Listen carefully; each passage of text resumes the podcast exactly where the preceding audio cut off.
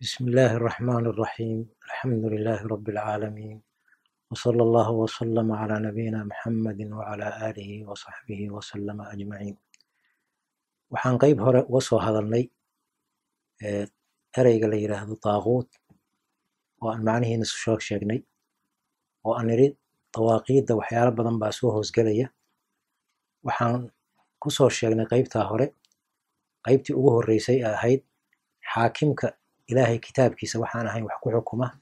Inuu daaquud yahay ayaan soo sheegnay. Waxaa kaloo daaquudka isaguna soo gelaya shaydaanka isaguna waa daaquud weeye ilaahay subxaanahu watacaala markii uu yidhi u nebi aadam uu diiday. Marka ilaahay subxaanahu watacaala lacnadiisaa ku dhacday halkaas wuxuu ku ballan qaaday marka inuu baadiyeynayo aadam carruurtiisa ilaahay isagoo qur'aanka nooga sheekayna wuxuu yidhi قال رب بما أغويتني لأقعدن لهم صراطك المستقيم ثم لآتينهم من بين أيديهم ومن خلفهم وعن أيمانهم وعن شمائلهم ولا تجد أكثرهم شاكرين.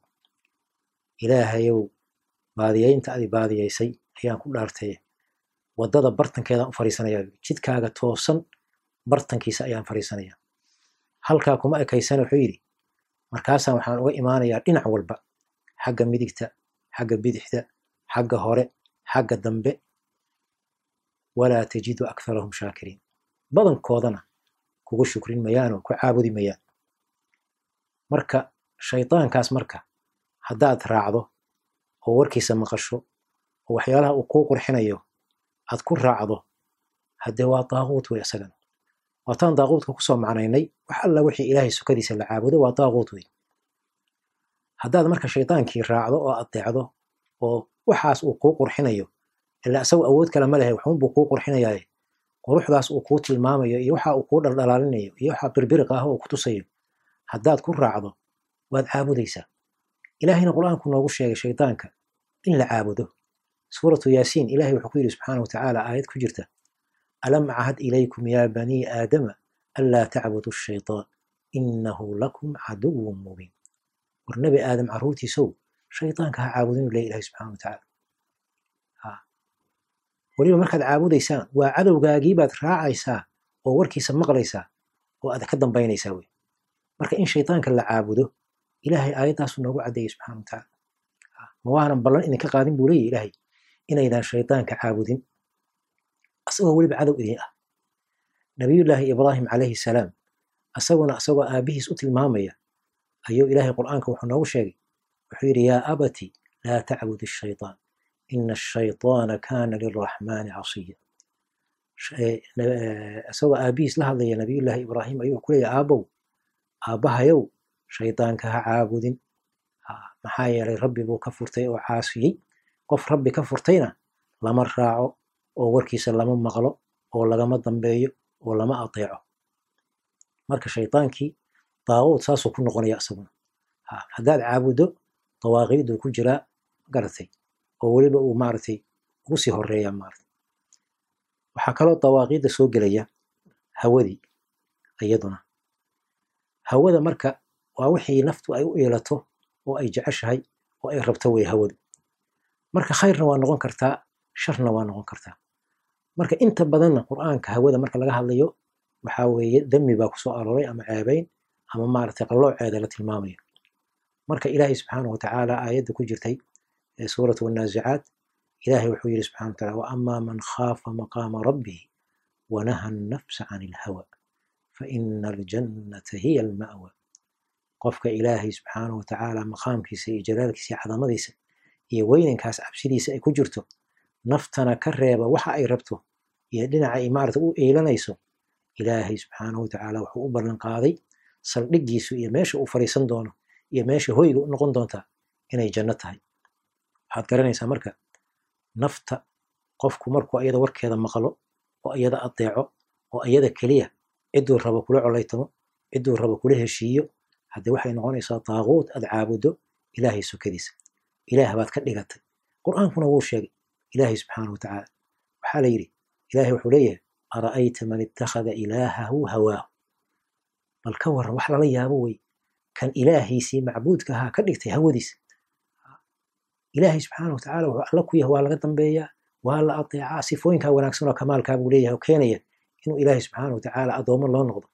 Naftaadii baad marka hawadaada iyo waxay rabto iyo waxay jeceshahay ayaad raacaysaa markaasaad ciddaa rabta ku nimcaanaysaa ciddaa rabtana ku jeclaanaysaa marka iyaduna saasay ku noqonaysaa daaquut ilaahay sokadiisa la caabudo marka taasna waxa waa hawadii oo iyaduna daaquut noqonaysa oo laga dhigto magarata wax la caabudo ilaahay sokadiisa sidii aan macnihii ku soo sheegnay daaquutka waxaa kaloo dawaaqiidda soo gelaya alwatan walwataniya. Macnaha dhulkayaga iyo deegaankayaga maaragtay aan u dhalanay. Marka dhulka horta ilaahay baa iskale subxana wa tacaala. Ina alarda lilah yuuriuhaa man yashaau bil ilahi subxana wa tacala dhulka allaa leh haddii ilaahay dhulka ku dejiyey marka alle inaad ku garato oo asaga ku caabudaa la rabaa laakiin inaad tiraahdo meel inta seeraysato seeradaas anaa iskale la iima soo gudbi karo la iima soo dhaafi karo garatay ayada keliya marka aad ciddaa rabtana kula colaytanto ciddaa rabtana aad ku soo dhowaysato oo aad tiraahdo kan isku waddan baa nahay. Laakiin qofkii muslin ah oo walaalka ah oo diinta kugula walaalayna aad tiraahdo waddanka uma aad dhalan ka bax ma soo geli kartid baasaboor soo qaado. Taasna waxaa weye runtii waa daaquut weeye maxaa yeelay dhulka iyo waddankii baad caabuday. Isaga ayaadna ku noqotay marka. Isagaad wax ku xiriirinaysaa isagaad wax ku nabcaanaysaa isagaad wax kula dagaalamaysaa isagaad difaacaysaa garatay ma ahan marka shay oo ah diinta islaamka boos ku shareecada ilaahay noo soo dejiyena makaano kule ma ahan.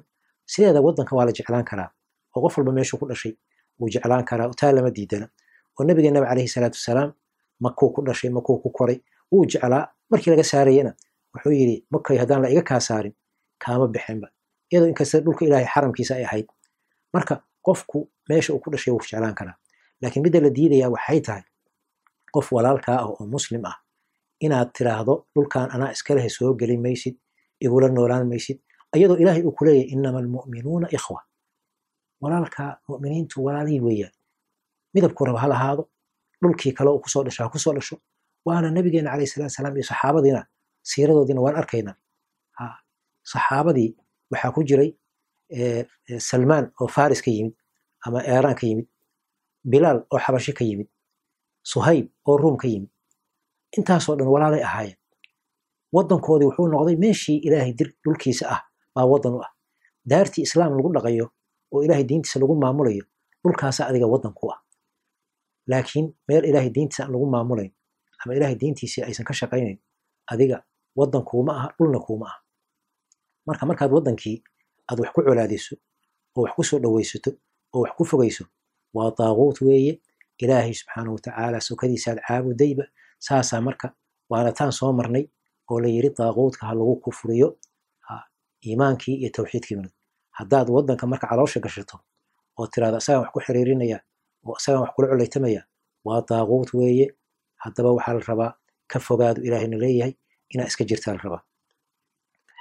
Waxaa kaloo isna daaquutka soo gelaya alqowm walqowmiya macnaha inaad tiraahdo annagu isku af baan nahay isku laqad baan nahay isku midab baan nahay isku jinsi baan nahay isirka iyagu meel buu wada jeedaa.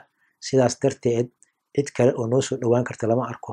Ciddii noo soo dhowaato annagaa isku tol ah annagaa xigto ah dagaal baa naga dhexeeya magaratay waxa weeye taasna ilaahay diintiisa subxaanahu watacaala ayadana boos kuma leh oo shareecada ilaahay subxaanahu watacaala arrintaas way caddaysay magaratay waxaa weeye adiga tol waxaa ku ah dadka muslimiinta ah magaratay ilaahayna subxaanahu watacaala muslimiinta iyo cidda aan muslim ahayna waana kala caddeeyey ilaahay agtiisana uma sinma adigana waxaa la rabaa inayna kuu sinin afa najcalu lmuslimiina kalmujrimiina maa lakum kayfa taxkumuun ilahi subxana watacaala war maxaad u malayseen baa laleeyahy ma inaan muslimiinta iyo mujrimiinta ageegtaya ilahay agtiisa isku mid ku yihiin kama aha ilahay agtiisa ma sinna adiga marka waxaa la rabaa mar qofkaad isku tolka tihiin qofkaad isku qabiilka tihiin waxaa weye qabiilka dadka ilahay baa u dhaliyey taa lama diidana ilahay baa naga dhigay qofna ikhtiyaarkiisa kuma wa dooranba meesha aad ka dhalatay iyo cidda aad ka dhalatay maahan adiga wax lagaala tashtay iyo wax lagu weydiiye maaha